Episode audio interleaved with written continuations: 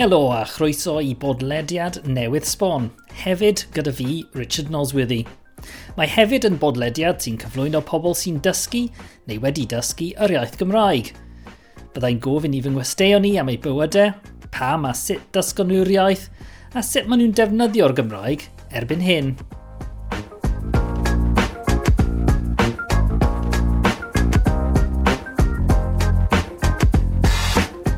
Ein gwestai cyntaf yw Walter Ariel Brooks. Mae Walter yn dod o Batagonia yn reiddiol, ond mae wedi dysgu Cymraeg a symud i fyw yng Nghaerdydd. Nes i gwrdd â Walter dros 20 mlynedd yn ôl, pan roeddwn ni'n dysgu Cymraeg gyda'n gilydd yn Llanbedr Pont Steffan, Llambed. Felly roedd hi'n braf iawn i siarad gyda fe am ei atgofion a darganfod mwy am ei fywyd e. Croeso i'r podlediad, Walter. Diolch yn fawr. Sôn i ddechrau falle am uh, eich uh, plentyndod tyfu lan yn yr ariannin. Um, sut oedd uh, dy fywyd di, uh, be, beth wyt ti'n cofio am uh, y dyddiau cynnar na yn ôl yn, yn, ym Hatagonia? O, oh, wel, um, yeah, dwi'n dwi cofio lot o bethau ac wrth i mi fynd yn hun, dwi'n meddwl bod um, atgofion plentyndod yn dod yn, yn fwy aml a dweud y gwir. Um, Ie, yeah, na, cys i fywyd uh, gyffredin, gallai ddweud, um, yn, um, wedi cael fy ngeni a fy magu mewn dinas o'r enw Comodoro Rivadavia. A mae Comodoro uh, yn halaeth Chubut, ac falle bod yr enw na yn canu cloch i bobl o Gymru, achos yn y dalaeth honno, um, aeth y Cymru yn ôl yn 1865 uh, a sefydlu'r wladfa. De. Um, a dydy Comodoro ddim yn rhan greiddiol o'r, or wladfa, ond mae yna gymuned Gymreig yn fanna, a dwi yn un ohonyn nhw mewn ffordd. Ond fel lot o pobl o'r ariannin, um, mae fy ngwreiddiau yn dod o wahanol wledydd, felly mae ar, ar ochr teulu fy mam, mae pobl o Sbaen a'r Eidal, um, ond wedyn ar ochr fy nhad, mae teulu o Loegr oedd fy nhaid wedi cael ei eni yn Berkshire, um, ac wedyn fy nain yn Gymraes oedd wedi cael ei geni uh, yn ardal Gaiman, rhwng Gaiman a Dolafon. Um, a falle bydd yr enw, yr enw yma yn, yn gyfarwydd i rai o'r pobol.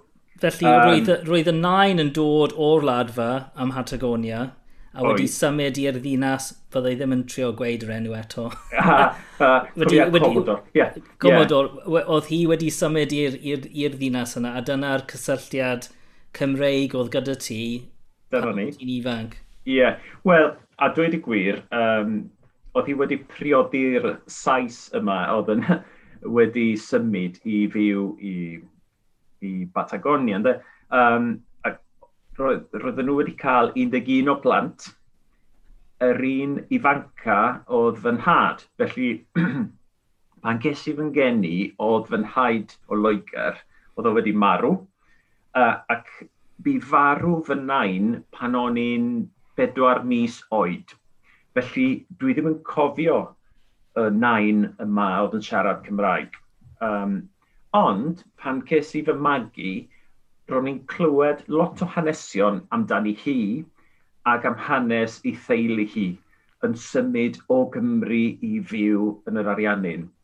Ac am ryw reswm, oedd yr hanes yma, y stori yma, yn stori ramantis. O'n i'n gwir yn mwynhau, o'n i, on i eisiau dysgu mwy am hanes hi. Felly, ces i fy magu yn meddwl um, bod yr ochr Gymreig yma yn rhywbeth ro'n eisiau gwybod mwy amdano. Um, a felly dyna pam dwi wedi mynd ati i ddysgu Gymraeg a, a dyna pam mewn ffordd pam dwi'n byw yng Nghymru erbyn hyn. Wel mae hynny yn ddiddorol iawn achos dwi'n meddwl bod pobl yn, yn meddwl am uh, y pobl ym Hatagonia o dras Cymreig, falle sy'n siarad ychydig neu, yn, neu gyda teulu yn siarad Cymraeg, Cymraeg, a bydd pobl yn gyfarwydd â nhw yn dod i Gymru, falle yn ystod yr eisteddfod ac ati. Ond eto, dyma, dyma ti sydd wedi mynd cam ymhellach mewn ffordd, ti wedi dod i'r Gymraeg trwy cysylltiad falle o ddim mor amlwg a, a roi eraill. Yn union, achos dwi, pan dwi'n gweld pobl sy'n dod o dalaeth Jwbwt, uh, ac sy'n siarad Cymraeg fel iaith gyntaf falle, neu o leia sydd wedi cael ei magu yn mynd i'r eisteddfod bob blwyddyn, yn y wladfa, um, sydd wedi cadw'r traddodiadau, sy'n gallu canu a, a, ac yn y blaen. A dwi ddim yn un ohonyn nhw, a bod yn onest, oherwydd i mi gael fy magu mewn lle fel Comodoro, lle oedd y diwylliant Cymreig ddim mor amlwg. Ac eto, um, tymo, a y peth arall falle ydy fy mod i'n hoff iawn o ieithoedd yn gyffredinol a diwylliannau gwahanol a dwi'n person chwilfrydig, dwi wedi gwir, sy'n hoff iawn o, o ddarllen, darganfod, stwff newydd, um, trwy'r amser. Ac ers pan o'n i'n fach, dwi'n cofio, o'n i'n meddwl, o, oh, rhyw ddiwrnod pan fydda i'n hun, hoffwn i deithio'r byd o rhywbeth gynhenid, rhywbeth oedd yn rhan o fy mhersonoliaeth i ers pan o'n i'n blentyn. Uh, felly, os ti'n dod ar ddau peth yma at ei gilydd, wel, dwi e ddim yn, yn syndod fy mod i wedi dod i Gymru ac fy mod i'n byw yma erbyn hyn. Sut ma, sut oedd um, dy blentyndod di yn Gomodoro yn, yn cymharu a plentyndod pobl o, o dwydran di o Gymru ti'n meddwl? Oedd gwahaniaethau uh, ti wedi sylweddoli ers symud i Gymru? Um, Mae'n anodd gymharu, ond un peth sydd yn wir am Patagonia i gyd, dwi'n meddwl, um, ydy bod, bod y lle yn teimlo, neu o leia pan o'n i'n blentyn, yn teimlo yn bell o bob man. Um, ac hyd yn oed o fewn yr ariannin, oedden ni'n teimlo bod um, brifddinas Buenos Aires uh, y teimlo'n bell yn wahanol ac bod y brifddinas yn anghofio amdano ni fel, fel rhan o'r ariannu. O ti'n teimlo bod ti'n byw um, bo, ar ddiwedd y byd mewn ffordd. um, ac oedd popeth yn cyrraedd yn hwyrach nag, nag i Buenos Aires ac wedyn wrth i mi ddod a byw yma yng Nghymru, o'n i'n sylweddoli fy mod i falle yn gwrando ar yr un math o gerddoriaeth a, a chi. Falle, um, dilyn y diwylliant engl Americanaidd, os ti. O'n i'n gwylio yr un ffilmiau chi, ond falle yn hwyrach. Um, ond, ie, yeah, llawer o pethau yn gyffredin. Ond on, ti'n codi pwynt diddorol iawn, achos oherwydd fy nghefndir teuluol a'r ffaith bod rhan o'r teulu yn dod o Loegr, a Chymru, ond cyn dod i Gymru, o'n i'n meddwl, o, oh, um, pan a fi i Gymru, dwi'n siŵr bydda i'n ffitio i mewn heb broblem, achos mae rhan o fy ngwreiddiau i yng Nghymru a Lloegr. Ac o'n i'n gallu siarad Saesneg ac o'n i wedi dechrau dysgu Cymraeg. Ond wedyn, pan ddes i yma i fyw ac ar ôl treulio amser yn, yn, yn dod i nabod y bobl a'r gymdeithas, dechreuais i sylweddoli faint o archentwr a faint o batagonwr o'n i. Hynny o'n i'n y, y ffordd o gymdeithasu, yr hiwmor um, sut wyt ti'n edrych ar y byd yn wahanol. All ti roi enghraifft o hynny, oes ti'n oh. sy'n dod i'r me meddwl? Ie, yeah, well, yeah, lot o bethau. A, a, a, a cyn rhoi enghraifft i ti, rhaid i mi ddweud fy mod i wedi arfer ar ffordd o fyw uh, yng Nghymru, ac erbyn hyn, pan dwi'n dod nôl i'r ariannu'n weithiau dwi'n teimlo bach yn anghyfforddus gyda'r ffordd um, o fyw uh, o'r ariannu, achos dwi wedi arfer i, i, i, i feddwl a gweithredu yn wahanol. Ond bo, un o'r pethau amlwg ydy sut da ni'n cyfarch i gilydd pan da ni'n cyfarfod ar y stryd, pan ti'n cyfarfod ffrindiau. Da ni'n rhoi cusan i pawb, i ferched a dynion, a mae'n ffordd arbennig o, o roi cusan. Ti, ti, ti, ti, ti, um, a ti'n mynd i Sbaen, mae pobl yn rhoi dau cusan a does neb yn gwneud hynny yng Nghymru. Uh, felly ar y dechrau, oedd ti'n mynd i... O'n i'n trio rhoi cusan i pobl, a oedd pobl jyst yn cam camino, fe, beth be ti eisiau, pam ti'n dod mor agos at ei? Um, a felly oedd hynna yn, yn, yn ddiddorol, dysgais i yn gyflym iawn bod y ffordd o ddweud helo oedd, yn hollol wahanol. Peth arall, um, ac oedd hwnna, oedd ni wedi cael y profiad, yn yr ariannu'n, ac yn wedig yn Comodoro. Os oedd y ti eisiau mynd i weld rhywun, oedd dim angen ffonio, dim angen trefnu uh, cyfarfod. Just ti'n cerdded i'r tŷ, nocio ar y drws, a ti'n sicr o cael croeso. Oedd hynna'n hollol wahanol yng Nghymru, a nes i'r camgymeriad o ymweld a ffrindiau yn ddi heb ddweud wrthyn nhw fy mod i'n dod. Uh, a felly, a nocio ar y drws, ac dwi'n cofio gweld ei wynebau nhw, agor y drws, a, y cwestiwn oedd, be ti'n neud ma? Pam wyt ti wedi dod heb ddweud wrth ei? Ac o'n i'n teimlo, wel, os dwi eisiau dweldi a chymdeithasu a... Na, mae angen trefnu a pwyntiad. Wel, mae hynny'n uh, ddiddorol, Walter, achos dwi'n uh, cofio pan o'n i'n blentyn yn tyfu lan yn y canolbarth, roedd hynny yn eitha cyffredin pryd hynny yeah. hefyd. A yeah. dwi ddim yn siŵr os mae hi wedi newid dros amser, neu efallai mae pethau'n wahanol yn gyrdydd, ond dwi'n mm. ymwybodol nawr bod hynny ddim yn digwydd cymaint. Efallai bydd cymdogion yn cnocio ar y drws i ofyn am ffafr bach ambell waith, ond ie, yeah, ti'n iawn, mae dyw bobl ddim yn neud hynny. Dwi ddim yn siŵr os mae hynny yn, uh, yn rannol uh, yn rhywbeth sy wedi newid dros amser. Dwi ddim yn siŵr os mae wedi newid ym hatagonia hefyd, ond... Uh... Ie, yeah. dio ddim wedi newid yn, yn fanna hyd y gwni, ond, ond ie, dwi'n ma na wahaniaeth rhwng bywyd yng nghefn gwlad, fel ti'n sôn, a, a bywyd um, dinesig, wrth gwrs. Um, ac yn cyffredinol, dwi'n meddwl bod pobl yma yn fwy trefnus, hynny yw, os oes na rhywbeth, rhyw ddigwyddiad neu unrhyw beth, neu hyd yn oed y siop anadolig, mae ma pobl yn dechrau gwneud pethau o flaen llaw yng Nghymru tra bod pobl yn yr ariannu yn tueddu i aros ar tywod, busnes yma, maniana, aros dan y fori, o, ceith, ceith popeth, a, popeth aros dan y fori. Mae hyn yn wir i raddau. A, a dwi'n cael trafferth weithiau pan dwi'n mynd nôl i'r ariannu ni i gofio bod, o, oh, reit, oce, okay, mae ma rhaid i mi ymlacio a peidio a phoeni am am drefnu pob peth. Mae'n swnio'n hyfryd, hoffwn ni fynd er mwyn ymlacio, mwyn dim byd arall falle. O, ie, ie, ie. A mae'n brofiad um, arbennig, ie. Yeah, Dwi'n awgrymu fod ti'n trio mynd rhywbryd. Yn sicr, yn sicr. Yeah. yeah. Nawr, un peth am tyfu lan uh, ym Hatagonia, wrth gwrs, siŵr o fod roedd ti'n siarad um, Sbeineg y rhan fwyaf o'r amser. Um, mm -hmm yn dy blentyndod. Oedd y Gymraeg neu ieithoedd eraill yn, yn rhan bwysig o dy fywyd yn, yn ystod y uh, mm. dyddiau cynnar y uh, plentyndod ym, ym Hatagonia? Ie. Yeah. Wel, um, y ddinas lle ges i fy magu, o, i bob pwrpas oedd yn...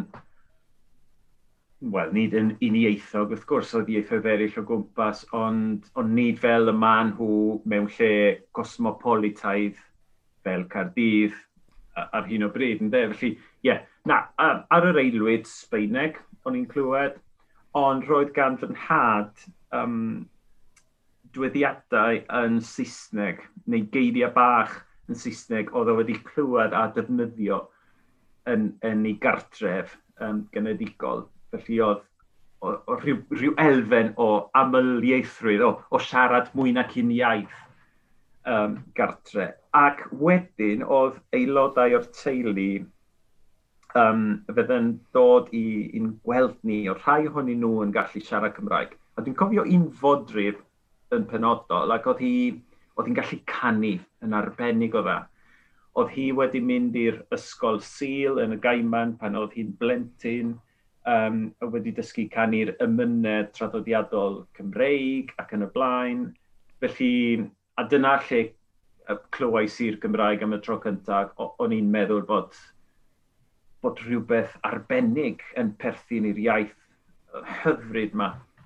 Um, ond wedyn, um, ia, pan o'n i'n blentyn, o'n i, on i eisiau dysgu ieithoedd, o'n i eisiau dysgu Almeineg, dyna'r iaith gyntaf o'n i eisiau i dysgu.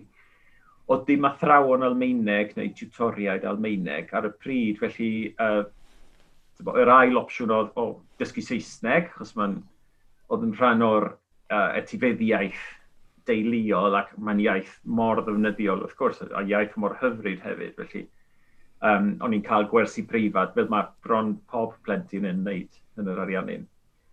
Ac wedyn penderfynu astudio ieithoedd yn y prifysgol, um, ac, um, ac wedyn daeth y cyfle i ddysgu chydig bach o Cymraeg, wrth gwrs.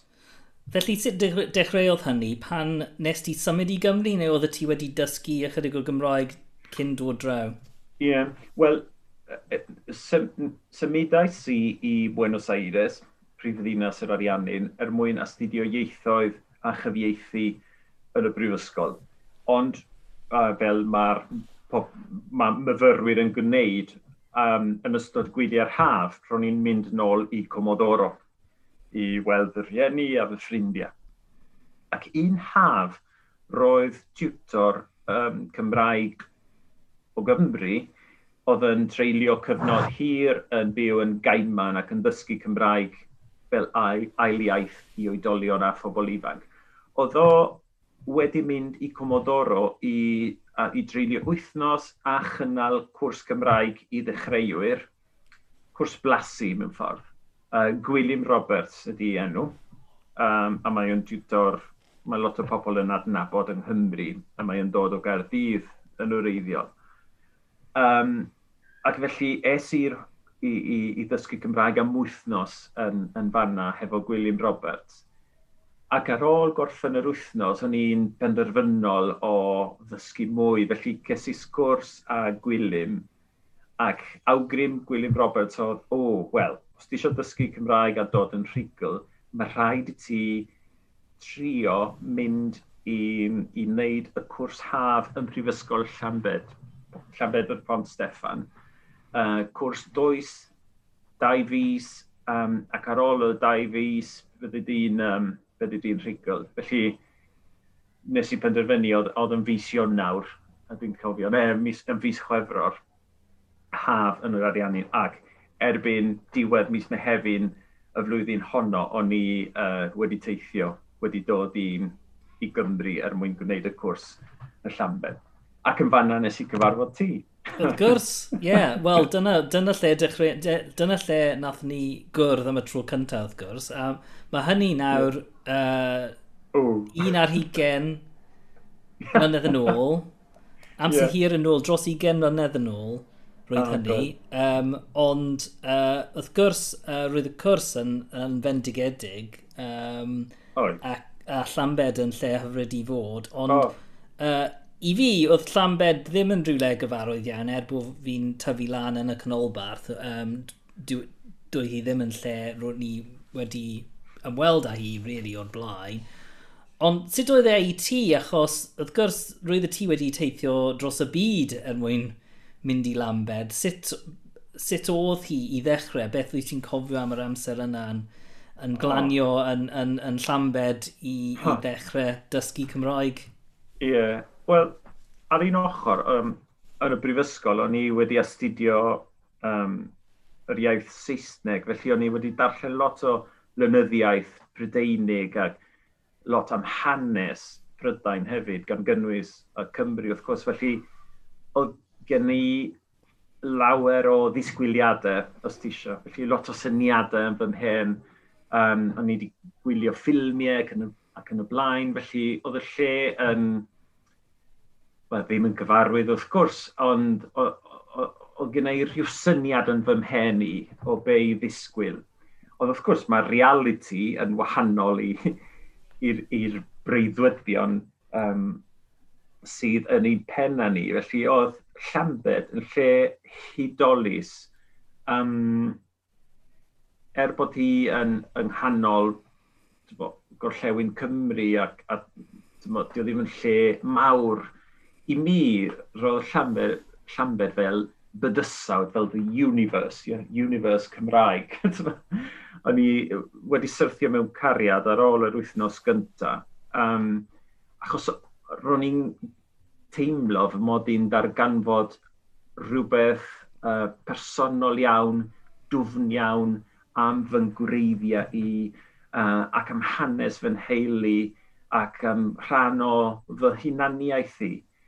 Um, Mae'n ma lle arbennig, a mae lle yn fy nghalon i, i, i Lambed yr Bont Steffan um, o hyd, ac bob tro dwi'n pasio wrth yrru ar y ffordd i Aberystwyth neu'r gogledd, mae, ma fy nghalon yn curo yn gyflymach wrth, uh, wrth yrru drwy uh, Lambed. Felly, ie, yeah, na, ac oedd, fel ti'n ti cofio, oedd yn brofiad rhyfeddol, oedd y cwrs um, iaith yn arbennig o dda, ac oedd ni gyd ar ôl y ddau fus na yn, wedi dod allan yn gallu mynegu yn hunan, yn gallu siarad yn Gymraeg.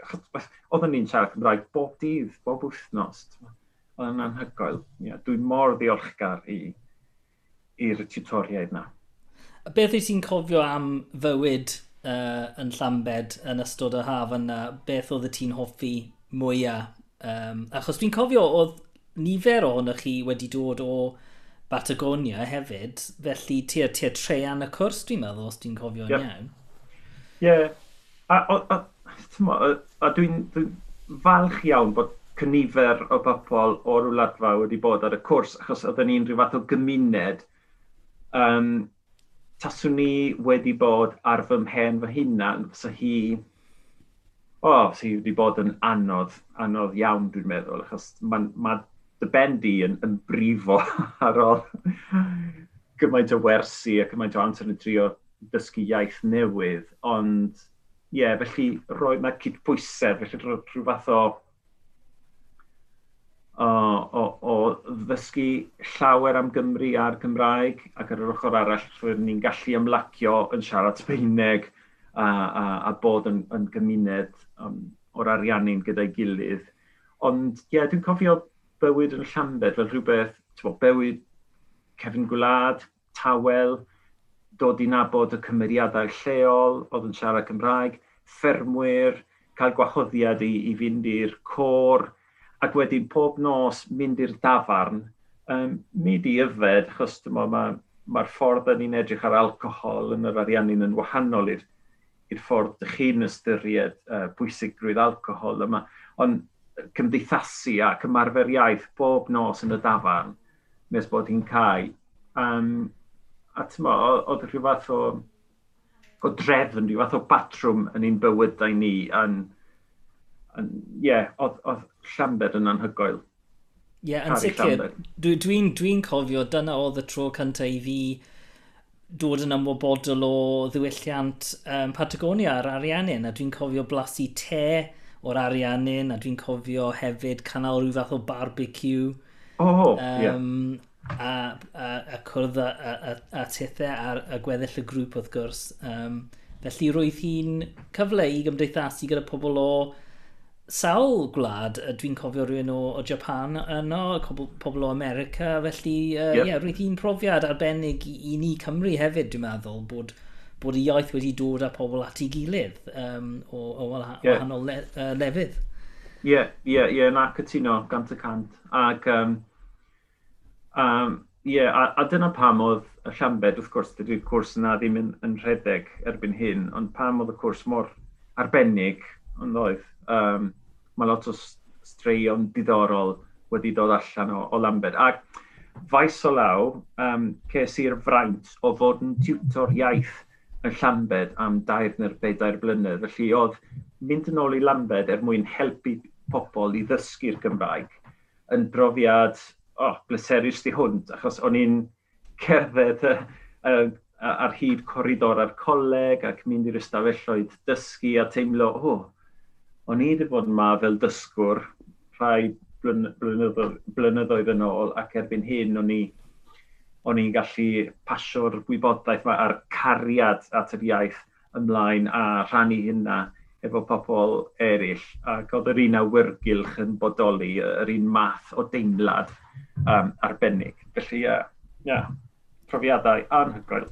Ac roeddwn ni'n lwcus, dwi'n meddwl, um, i wneud cwrs dwys am, am ddau fus, fel oedd ti'n sôn. D mm. Dau fus yn siarad Cymraeg bob dydd trwy'r dydd mwy na lai. Um, felly, uh, bydd rhai pobl falle'n gwrando ar hyn yn meddwl, wel, dyna lwcus, uh, nid yeah. pawb sy'n cael y cyfle, ond yn sicr mae cyrsiau dwys yn bodoli o hyd, felly mae hynny yn, yn, yn cyfle da.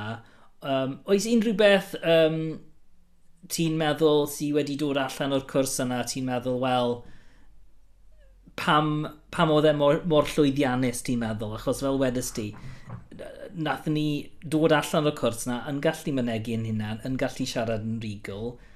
Um, pam oedd, oedd y cwrs na mor llwyddiannus, beth oes unrhyw tips ti'n mm. meddwl mm. sydd wedi dod allan i all helpu pobl eraill ti'n dysgurio? Ie. Yeah.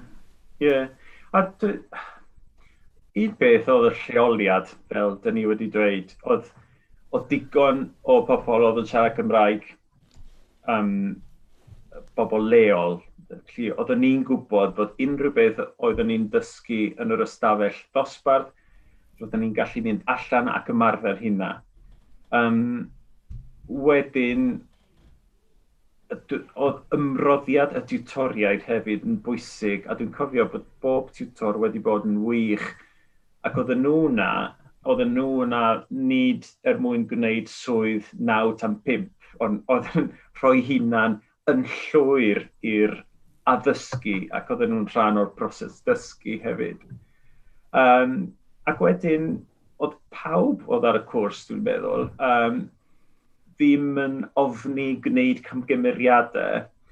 Uh, a dwi'n dwi, dwi ffindio bod, bod, bod, bod tymo, um, dysgu nid bod pobl yn un ieith, pobl yn siarad un iaith, sef Saesneg a, a, a bod hynna'n broblem, ond weithiau mae'r siaradwyr Saesneg yn teimlo bod siarad iaith arall yn, yn codi cywilydd arnyn nhw, neu maen nhw'n ofni gwneud camgymeriadau, ac um, oedd yr agwedd na ddim yn bodoli, ac hyd yn oed y pobl oedd bach yn, yn swyl falle, ar ôl wythnos, bythefnos, tair wythnos, roedden ni fel teulu mawr, ond oedden ni. Felly oedd, oedd yr, y teimlad na yn helpu pobl i ymlacio a just mwynhau y profiad o ddysgiaeth.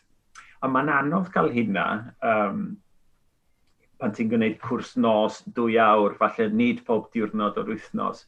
Mae'n ma anodd iawn, ond just cael y cyfle i gymdeithasu a siarad yr iaith yn naturiol yn holl bwysig. Wrth gwrs, erbyn hyn, gyda'r stwff fel Zoom a, a, a stwff ar y we, mae'n falle mae'n ma hawdd gysylltu a, a ymarfer Cymraeg, ond mae angen rhywbeth i wthio ti hymlaen, ond oes? Oes, oes, yn sicr. Da ni wedi bod yn lwcus iawn. Yn lwcus iawn, dwi'n meddwl, um, dwi, dwi wastad yn dweud wrth unrhyw un dwi'n nabod ti'n dysgu Cymraeg i trio gwneud cymaint y gallu di, felly os, os oes cyfle i wneud rhywbeth tu allan i'r dosbarth yn Gymraeg, gwrando ar cyneuon, siarad gyda ffrind ac ati. Ond yn Llambed, oedd popeth yno i chi, really, ond oedd e, achos oedd yr ochr gymdeithasol yn ogystal â'r gwersi, dwi'n cofio, oedd y ti'n sôn am y hwyl gathon ni, dwi'n cofio'r humor yn helpu lot. Ac yn arbennig, y sioe na, ti'n cofio'r sioe na? Oh. Oedd yn hollol... Uh, wel, does dim geiriau i disgrifio'r sioe. um, ond uh, roedd popeth, um, roedd cymaint o bethau doniol um, mm. yn ogystal ar, ar ffaith bod lot o ail ddweud a, a gwneud yr un peth tro ar ôl tro. Um, a gallai hynny fod yn braidd yn ddiflas, ond i bai am y ffaith bod y tutoriad mor um, mor uh, gweithgar a, mm. ac yn dod â cymaint o humor a hwyl mewn i'r dosbarth, nes i wir mwynhau er bod ni yn, yn, yn, yn falle ail ddweud rhan brawddeg neu'r un patrymau yeah. tro ar ôl yeah. tro. Um, rhywsut doedd dim ots. Dyna dwi'n gofio. A dwi wedi clywed pobl yn beirniadu y math yna o, o addysgu, hynny yw ailadrodd ac ailadrodd ac ailadrodd. Ond gweithio hynna yn dda iawn i ni, dwi'n meddwl. Felly dwi'n siŵr bod systemau eraill um, sydd yn well falle, neu sy'n um, fwy addas ar gyfer math gwahanol o bobl, ond um, i ni yn Llambed, uh, yn, yn ystod y, y, y ddau fus na, oedd yn gweithio'n berffaith. A, a dyna pam, da ni'n gallu siarad Cymraeg ti a fi, um, a teimlo'n gyffyrddus, ynddo. Wel, a dweud y gwir, dyna unig reswm ni'n cael y sgwrs yma. Ie, yeah, yeah, diolch i Lambert. diolch i Lambert.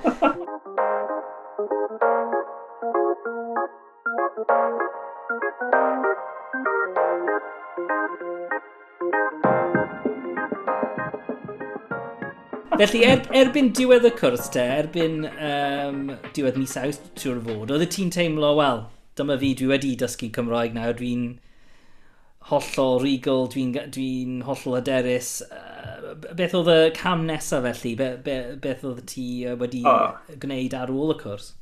Ie, yeah, wel, o'n i'n ifanc a ffôl, fel maen nhw'n dweud. Ond o'n i, na, o'n i, o'n i ddim yn teimlo fy mod i'n hollol regal, felly chwiliau si am gyrsiau eraill i wneud er mwyn gallu teimlo'n fwy sicr a dysgu mwy. Achos ar ôl yr wythnos gyntaf, ro'n ni wedi syrthio mewn cariad llwyr ar Gymraeg. Felly, o'n i'n gwybod erbyn canol y cwrs fy mod i'n mynd i, i, i chwilio am gyfleoedd i aros ymlaen a dysgu mwy o Gymraeg. Um, felly, y, y, y bobl oedd yn trefnu'r cwrs yn Llanbeth oedd um, canolban Cymraeg i oedolion Caerdydd. Felly, siaradau si ar tutoriaid ag um, cyfarwyddwr y ganolfan, Dr Robert Owen Jones, um, ac ei gyngor o oedd dod i Gardydd i astudio ac ysi rhyw fath o ysgoloriaeth. Hynny yw, um, o'n i ddim yn talu ffioedd i wneud y cyrsiau yn y ganolfan. Um, ac wedyn penderfynais i aros am flwyddyn, ac o'n i'n gwneud tri chwrs ar yr un pryd, um, sef cwrs lefel 4, 5 a 6. Uh, felly o'n i'n gwneud lot o cyrsiau yn ystod yr wythnos, a fy mwriad i oedd aros am flwyddyn a gorffen y lefel uchaf, sef lefel 6, lefel meistroli. Ac wedyn sefyll arholiad lefel A i oedolion yn Gymraeg. Um, felly ie, yeah, dyna be wnes i. Um, astudio Cymraeg um, trwy'r amser, cymdeithasu trwy gyfrwng y Cymraeg, ac yn rhyfedd iawn, mae lot o pobl yn chwerthu'n am hyn, ond yn ystod y flwyddyn, yn ystod y flwyddyn honno, pan o'n i'n byw yn Cardydd, yr unig amser pan o'n i'n siarad Cymraeg, uh, sorry, Saesneg, oedd yn Tesco, uh, yn ystod gweddill yr amser, o'n i'n siarad Cymraeg yn y ganolfan ac o'n i yn bwrpasol wedi chwilio am ffrindiau a grwpiau er mwyn siarad Cymraeg yn unig. Um, achos ro'n i gwir eisiau dod yn rhugl. Um, yeah, a mi oedd yn bosib, mae yn bosib rwan hefyd wrth gwrs.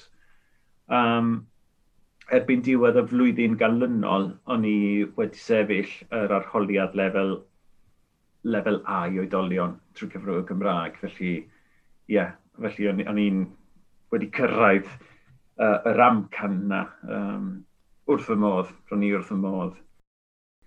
Um, mae ma hynny, ol... ma hynny yn gan bwysig dwi'n meddwl, cyfle, cyf, cyrraedd y lefel lefel A i fi, um, mae ma hynny yn, yn rhywbeth da i ddysgwyr anelu ati hi, achos dyna, dyna pryd dwi'n meddwl rwy ti'n gallu teimlo yn aderus bod, bod, yeah. bod, bod chi'n gallu cynnal sgwrs ar unrhyw yeah. bwnc yeah. dweud y gwir. Falle bod chi ddim yn hollol perffaith, ond... Uh, Cytuno. Mae'n ma lefel eitha pwysig. Cytuno cant y cant, ond on wedyn, fy mwriad i oedd gorffen yr astudiaethau Cymraeg yma a mynd nôl i fyw i'r ariannin. A dyna pam o'n i eisiau cael rhyw fath o dystysgrif, rhyw barn o papur yn dweud, ie, yeah, ti wedi cyrraedd uh, safon lefel A. Um, felly ar ôl gorffen efo popeth, um, es i, i deithio chdi bach o gwmpas y byd cyn mynd nôl i'r ariannu, ac roedd fy nghariad sydd yn fy ngwraig erbyn hyn, roedd hi'n gwneud astudiaethau ym Mharis ar y pryd, felly wnaethon ni cyfarfod a mynd i deithio ac wedyn mynd nôl i'r ariannu. Felly um, erbyn diwedd nadolig y flwyddyn uh, 2000, roeddwn ni yn ôl yn yr ariannu'n gyda'r bwriad o aros, chwilio am waith a byw yn, yn yr ariannu'n, of course. Ond be digwyddodd? Wel, um, dau beth. Un, um, oedd na argyfwng economaidd difrifol iawn, un o'r crisis na sy'n sy, digwydd yn yr ariannu'n bob hun a hun. Uh, felly, am flwyddyn roeddwn ni'n chwilio am waith ac oedd yn amhosib ffeindio dim byd. Um, hynny, o'n i'n rhoi gwersi Saesneg, uh, dysgu Cymraeg i oedolion hefyd, um, uh, gwneud gwaith cyfieithu, oedd dim modd cael dim byd go iawn, swydd go iawn. Felly, o'n ni wedi gorffen y brifysgol, roedd fy, fy nghariad ni. Gwraig wedi gorffen y brifysgol hefyd, ac roedd ni'n methu ffeindio dim byd. Ac wedyn, daeth, um, ro'n ni wedi aros mewn gysylltiad ar tutoriaid yng Nghymru. Ac ro'n ni'n gwybod bod um, Robert Owen Jones, yr athro Robert Owen Jones, oedd yn gyfarwyddwr y ganolfan Cymraeg, roedd o eisiau gweithio ar brosiect ymchwil i edrych ar hanes yr iaith Gymraeg ym Hatagonia. Ac felly roedd hynna'n gyfle i rywun oedd yn siarad Cymraeg, wrth gwrs, Saesneg er mwyn sgrifennu a gyhoeddi yn, yn Saesneg a Sbeineg hefyd er mwyn edrych ar uh, hanes yn Sbeineg. Um, oedd yn gyfle gwaith i rywun i helpu gyda'r brosiect yma. A felly, ie, dyna pam daethon ni nôl i Gymru yn y flwyddyn 2002. Uh, yn ddiddorol iawn, teithio ni o Buenos Aires ar y cyntaf o fawrth, uh, dydd Gwyl Dewi, yn meddwl, o, oh, mae hwn gobeithio fydd yn dod â chydig bach o look i ni. um, ta waith, felly ie, yeah, wedyn ces i swydd fel cynorthwydd ymchwil, ym Mhrifysgol Cardydd yn yr Adran Cymraeg. Um, ac am sawl blwyddyn, ro'n i'n gweithio gyda Robert Owen Jones um, yn dysgu mwy am hanes y Cymraeg ym Hadagonia. Oedd hwnna'n gyfnod diddorol iawn, iawn, iawn, yn, yn gyfnod dwi'n trysori a dweud y gwir. Achos ar un ochr roeddwn ni'n gweithio yng Nghymru Ac wedyn roeddwn ni'n mynd draw i rwladfa i Patagonia i wneud y gwaith maes. Ac oedd hynna'n golygu edrych ar hen bapurau, uh, hen ddogfennau hanesyddol a siarad ar bobl leol yn Gymraeg neu yn Sbeinig a deall mwy am y gymuned Gymreig a Chymraeg ym Patagonia. Ac oedd hwnna'n broses diddorol iawn iawn i mi, achos ro'n ni'n gallu edrych ar hanes fy ngwlad ac fy nhalaeth um, o berspektif rhywun o dramor. Ac mae'r proses na yn ddiddorol iawn, achos ti'n... Ti mae pob math o gwestiynau yn codi, um, a ti'n uh, gwestiynu hanes dy, dy hanes dy hunan mewn ffordd. A mae hyn yn broses cyfoethog tu hwnt a sydd wedi newid y ffordd dwi'n meddwl am, am y byd, nid yn unig am fy ngwlad, ond am y byd yn cyffredinol. Felly dwi wedi bod yn ffodus iawn. Sut newidiodd hynny y ffordd roedd y ti'n edrych ar Patagonia? Achos wrth gwrs roedd y ti wedi uh, cael dy fagu yn y dalaeth, ond mm. mae'n swnio fel bod pethau wedi newid trwy wneud yr ymchwil yna. Ie, yeah. wel, mae popeth yn yn rhan o broses ehangach, achos fel dwedon ni ar y dechrau, dim ond ar ôl i ni adael yr ariannu'n sylweddolais i bod ni'n ddim yn cynllunio yn dda iawn, bod ni'n gadael popeth dan manian a cyfori. Um, sylweddolais i bod mwy nac un ffordd o gymdeithasu, bod mwy nac un ffordd i ddweud helo. um, a bod pobl yn gallu bod cymdeithas neu pobl yn gallu meddwl a byw yn wahanol. Ac unwaith bod ti'n gwneud hynna, ti'n gallu edrych yn ôl ar dy wlad wreiddiol a dweud, o, os, sut da ni'n byw yn yr ariannin a pam da ni'n gwneud beth da ni'n gwneud. Um, a felly mae edrych ar dy hunan o bersbectif gwahanol yn, yn gwneud i ti sylweddoli beth wyt ti'n hoffi a beth falle ti ddim yn hoffi llawer am, amdano ti dy hunan a am y ffordd wyt ti'n meddwl. Um, a mae'n gwneud, mae wedi gwneud fi, gobeithio, yn fwy goddefgar, hmm, tolerant, dwi'n meddwl. Um, achos fy mod i'n wedi dod i ddeall bod mwy nac un ffordd o weld y byd ac bod angen parchu um, persbectifau gwahanol, neu o lia tri, tri parchu, um, ffyrdd gwahanol o, o, o ddeall y byd, ystyried y byd. Um, yeah, a, a dyna un o'r pethau gorau dwi'n meddwl am fyw mewn gwlad arall a gallu mynd nôl um, ac astudio um, hanes fy yr ariannin. Ac i ba raddau e, ti'n meddwl bod, achos dwi ddim yn gyfarwydd iawn gyda Patagonia, um, ond ydy, ydy, ydy, ydy, ydy pobl yn y wladfa a pobl o dras Gymreig, i ba raddau e maen nhw yn Gymreig o hyd um, heddiw, neu ydyn nhw wedi um, dod yn rhan o o'r arian neu, neu o diwylliant ah. ehangach erbyn hyn, ydy'r ydy mm. um, Cymreig yeah. tod yna wedi, wedi mynd fel bethau? Wel, mae hynna'n gwestiwn gymleth, a dwi'n meddwl mae'n gwestiwn dyle ti ofyn i'r bobl yna sy'n byw yna a gweld beth maen nhw'n ateb. Ond beth dwi'n cofio ac oedd yn mor ddiddorol, pan o'n i'n gwneud y gwaith ymchwil, um, gyda Prifysgol Cardydd, ac pan o'n i'n mynd draw i'r ariannin, ro'n i'n gallu cael sgwrs yn Sbeineg gyda'r pobl oedd yn siarad Cymraeg sy'n byw yna. Ac i mi, roedden nhw'n teimlo ac yn edrych ac yn siarad fel pobl o'r ariannin. Right? Ond wedyn, os oedd rhywun o Gymru yn dod ac roedden ni'n cael sgwrs yn Cymraeg, roedd y tîm gallu gweld bod nhw, nid yn Gymru, ond bod rhyw elfen o Gymreigtod, weithiau elfen gref iawn ynddyn nhw. Felly,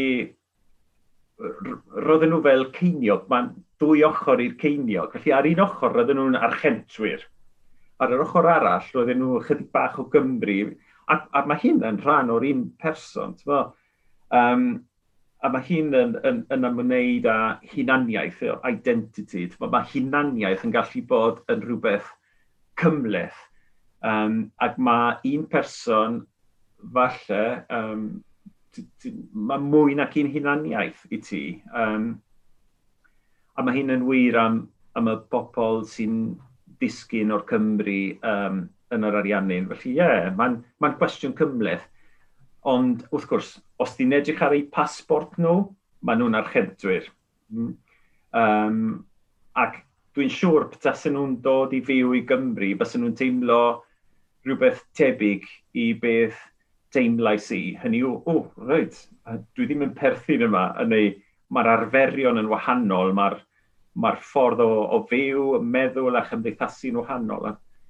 Um, felly, yn gyntaf, dwi'n meddwl mae archentwyr ydy nhw, ond wrth gwrs mae rhywbeth arbennig um, o safbwynt di, diwylliant yn bodoli. Um, a dwi'n, mae'r ma, ma, ma, cwestiwn mae'n rhywbeth fyddai ddim yn gallu ateb byth, ond dwi'n trio, weithiau dwi'n teimlo, oh, neu dwi'n gofyn uh, i fy hunan, beth mae'r pobl o Gymru sy'n siarad Cymraeg yn teimlo pan maen nhw'n cyrraedd Patagonia ac yn sydyn maen nhw'n gallu cael sgwrs yn Gymraeg. Beth maen nhw'n teimlo uh, yn ddwfn yn eu calonau nhw? Um, mae, mae rhywbeth arbennig wrth gwrs yn swn i'n hoffi bod yn Gymro am jyst er mwyn cael y profiad na o teithio i ben arall y byd a, a darganfod um, y bobl yma sy'n siarad Cymraeg, cos mae'n heb os, mae'n rhywbeth uh, unigryw a, a phwysig iawn i'r Cymru. Mae'n gymuned anhygol, ie. Yeah. Yeah. Ydy, a mae'n stori anhygoel. Um, ac yn ddiweddar, wrth gwrs, mae yna wedi bod cryn dipyn o ail-asesu uh, rôl y Cymru ym Patagonia yn hyd destyn um, Black Lives Matter a, mm. a, a colonialism a, a'r yeah. holl trafodaeth yna. Uh, beth, beth yw dyfarn di ar, ar hynny? Oes roed ail-asesu ar ail, ail meddwl uh, y, y ffordd mae pobl wedi uh, uh, ystyried uh, o wladfa um, a, a, a sut mm. ni'n meddwl am um, pobl yn mynd o un wlad i'r llall. Ie, yeah. wel, un o'r pethau nes i pan ar ôl gorffen gweithio gyda Robert Owen Jones yn Brifysgol Caerdydd, oedd cael ysgoloriaeth i wneud PhD. Ac roedd y proses na, wneud PhD yn, yn un anodd, wrth gwrs, ond on rhai o'r pethau gorau dwi wedi cael o'r profiad o wneud PhD, a mae hyn yn, dwi'n ddiolchgar iawn i'r pobl oedd yn gori chwilwyr i mi. Um, Bill Jones, yr athro Bill Jones, yr athro Wayne James yn Prifysgol Caerdydd. Ro, roedden nhw'n trio dysgu mi ac o'n i, nes i gael lot o drafferth i ddeall y syniad yma. Bod bod y prosesau hanesyddol um, yn gyfoethog iawn ac bod mwy nac un ochr i'r prosesau hanesyddol ac bod yn werth neu bod yn well uh, bod, bod, dio ddim yn werth ffeindio ydy hwn yn, yn dda neu yn ddrwg.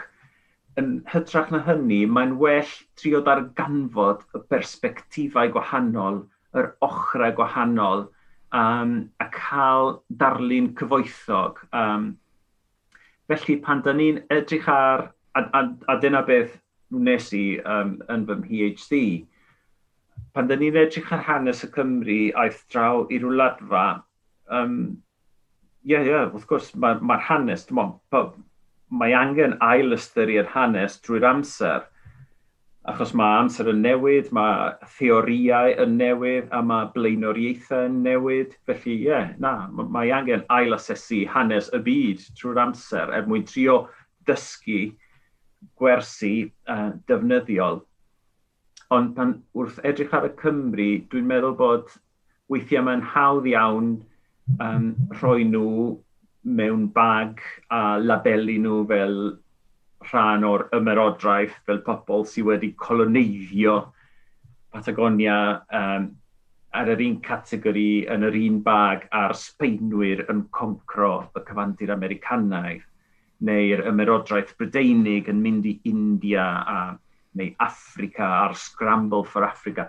Um, a dwi'n dwi meddwl bod hynna'n eithafol um, a bod y proses yn fwy cymleth na hynny, lot mwy cymleth ar yr ochr arall, mae yna dieddiad i ramanteiddio hanes y wladfa, um, a dwi'n gallu deall hynny achos pan mae pobl o Gymru yn mynd draw ac yn, yn, yn sydyn clywed pobl yn siarad Cymraeg ac yn cadw'r traddodiadau, uh, mae'n hawdd iawn ramanteiddio am y Cymru ar draws y byd ochr arall, y môr i werydd.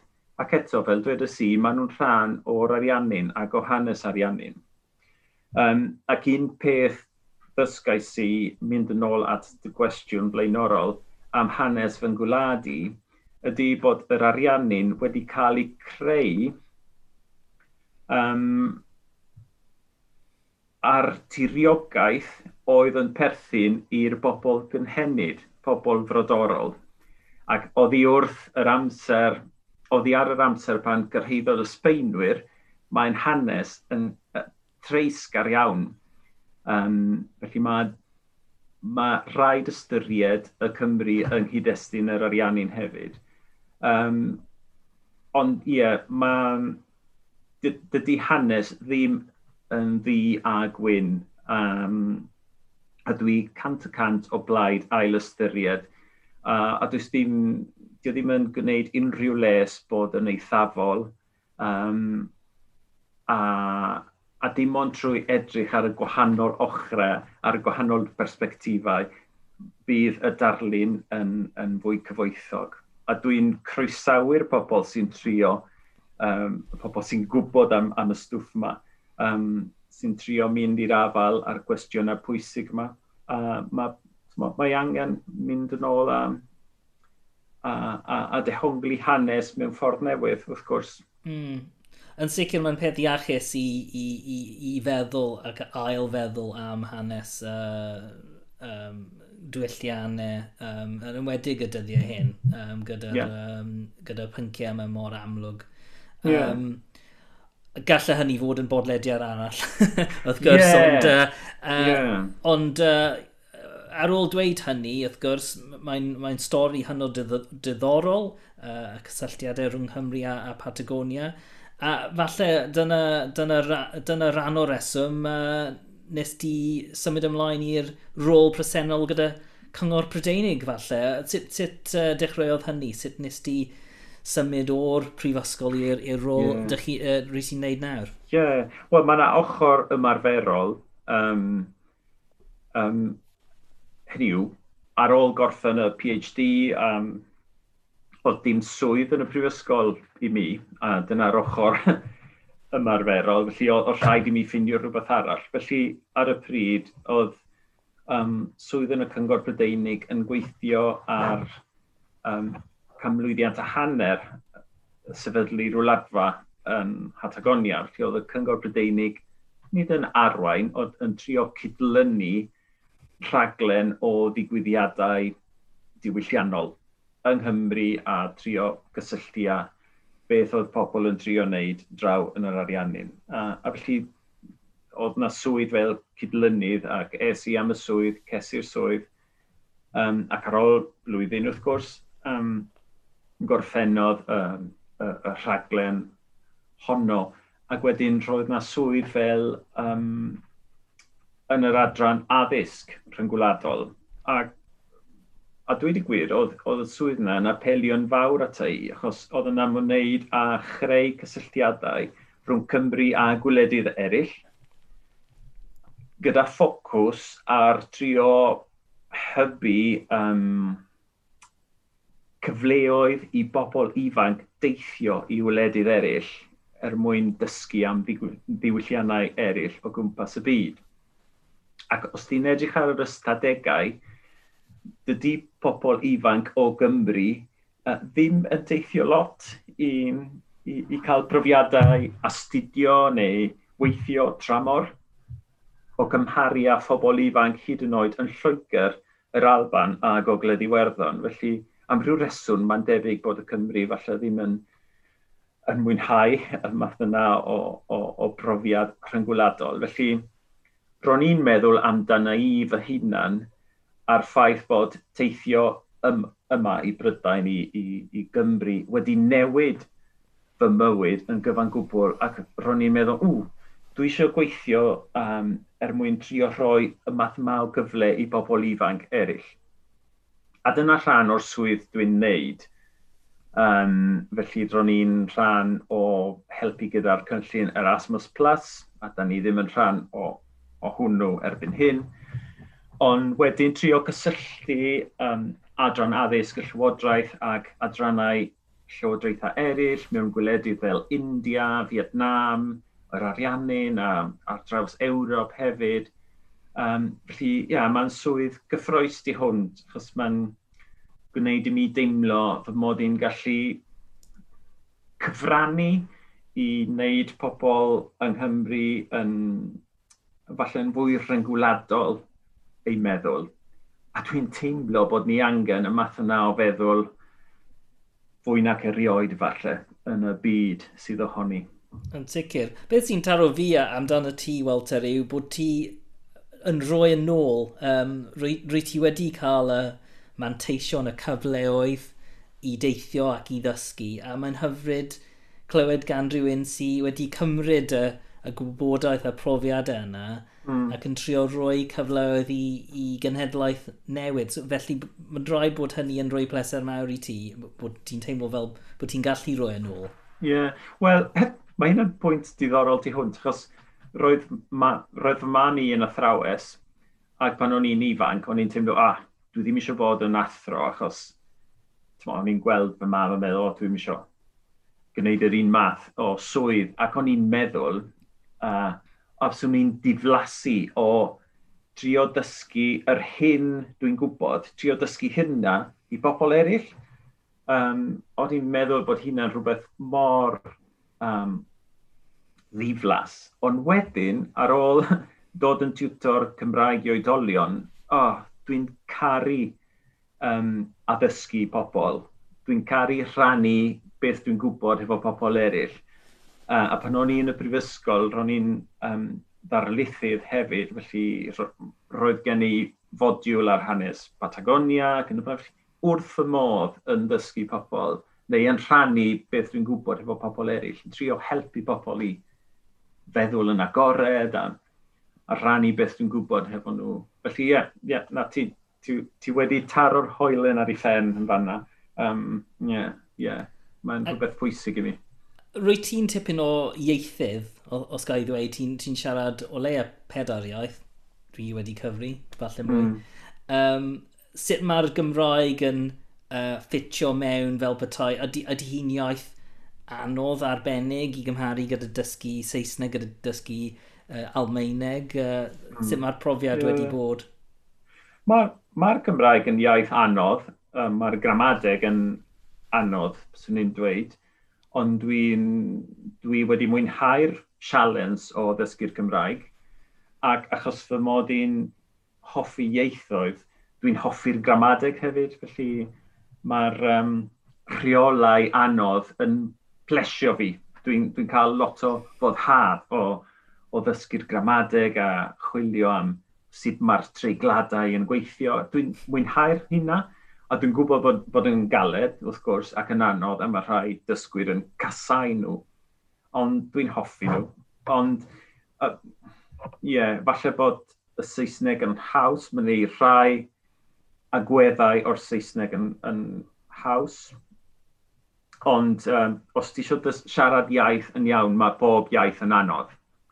A mae rhaid um, rhoi llawer o oriau, o astudio, o, o drio gwella. Um, mae rhaid treulio amser i ceisio siarad iaith yn iawn. Ac erbyn hyn, dwi'n teimlo yn gyffyrddus yn y tair iaith, ac ar yr un, hynny, Saesneg, Cymraeg, Sbeineg, ac ar yr un pryd dwi'n teimlo nad ydw i'n gallu siarad yn iawn yn yr un iaith.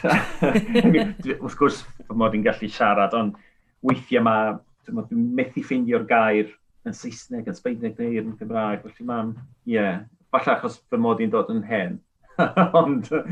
Wel, yn sicr, uh, yn sicr o fy, fy mysbectif i, uh, Walter, rwy ti'n siarad Cymraeg i safon uchel iawn, uh, ac uh, dwi'n dwi, dwi just meddwl am y, y ffrindiau sy'n gen i nawr sy'n dysgu Cymraeg falle um, gyda blwyddyn newydd yn uh, mm. gwneud ymdrech, ymdrech arbennig uh, y mis Ionawr i, mm. i, i ddysgu, ac mae yn uh, gwaith mm. caled. Okay. Oes unrhyw cyngor i ti uh, gyda ti i, i bobl sy'n dysgu Cymraeg, falle ti'n gwrando, rwy ti wedi mynd trwy'r profiad fel bethau, be, yeah. beth sy'n gallu ysbrydoli dysgwyr eraill?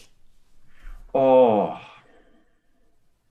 Um, Wel, un peth sydd ddim yn wir amdana i, ond un peth dwi wedi sylwi fel dwedais i yn gynharach ydy pa mor swyl ydy pobl a, a faint maen nhw'n poeni am wneud camgymeriad pan maen nhw'n um, dysgu iaith. Ac mae rhaid trio anghofio am hynna, uh, a mae rhaid, a, a beth ydy'n gweld bod siaradwyr yr iaith ti'n dysgu dyn nhw ddim yn poeni os ti'n gwneud camgymeriadau. Maen ma nhw'n mynd i dy help i di, felly i'r gwrthwyneb. Ma, o, mae angen mentro, a dwi'n dwi gwybod bod hynna ddim yn rhan o personoliaeth llawer o pobl, felly dwi ddim yn gallu beirniadu nhw. Um, y peth arall ydy, um, yeah, dydy iaith, dydy dysgu iaith ddim yn broses cyflym a dy ddim yn broses hawdd.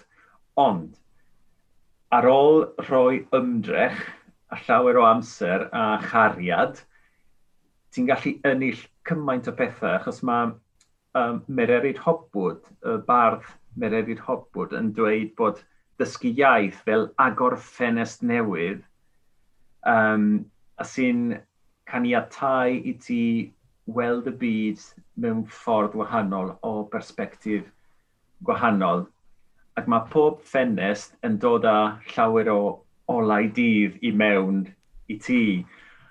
Um, felly, er bod yn waith caled, mae'n werth gwneud yr ymdrech i ddysgu iaith arall.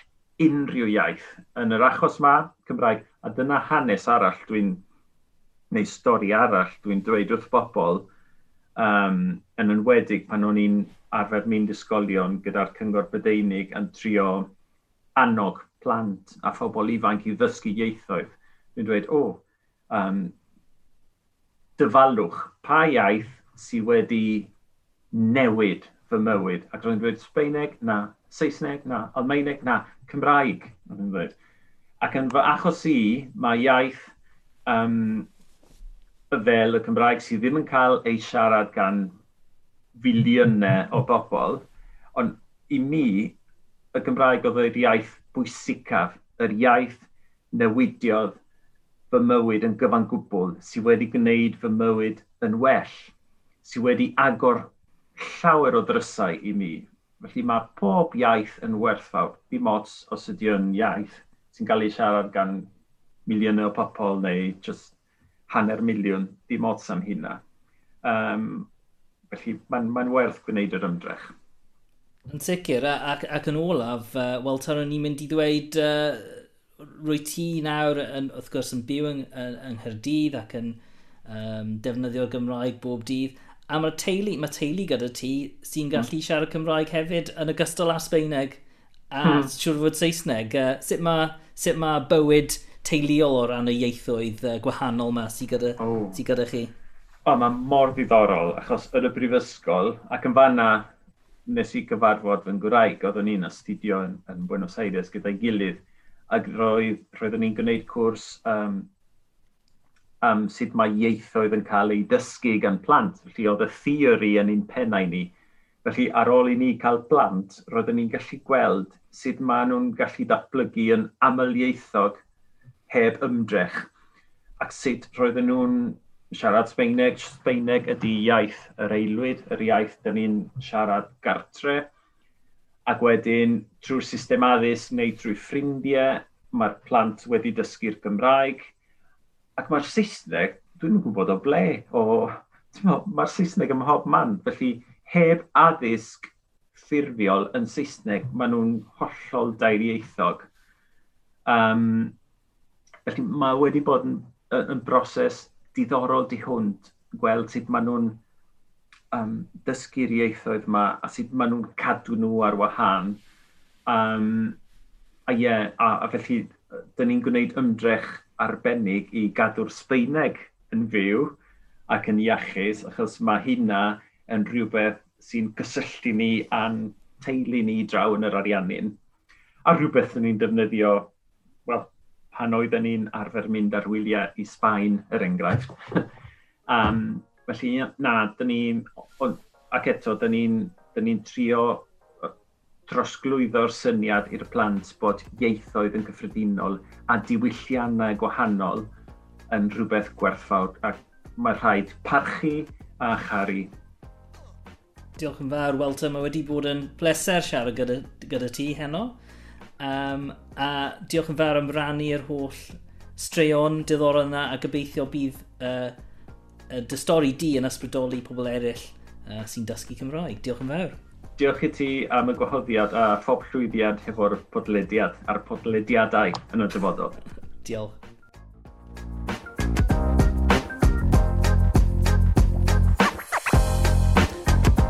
Wel, roedd hwnna yn sgwrs diddorol iawn am y penod cyntaf. Diolch i Walter am gymryd rhan, ac dwi'n siŵr bydd e'n ysbrydoliaeth i bawb sy'n dysgu Cymraeg neu unrhyw iaith. A gobeithio bod chi wedi mwynhau'r penod peilot yma hefyd. Hoffwn i wneud mwy o bodlediadau fel hyn, felly dwi eisiau clywed eich awgrymiadau chi am westeion ar gyfer y dyfodol. Am y tro gallwch chi anfon neges trwy Twitter. Chwiliwch am podlediad hefyd yn fanna. Diolch am rando, a tan y tro nesaf, hwyl fawr.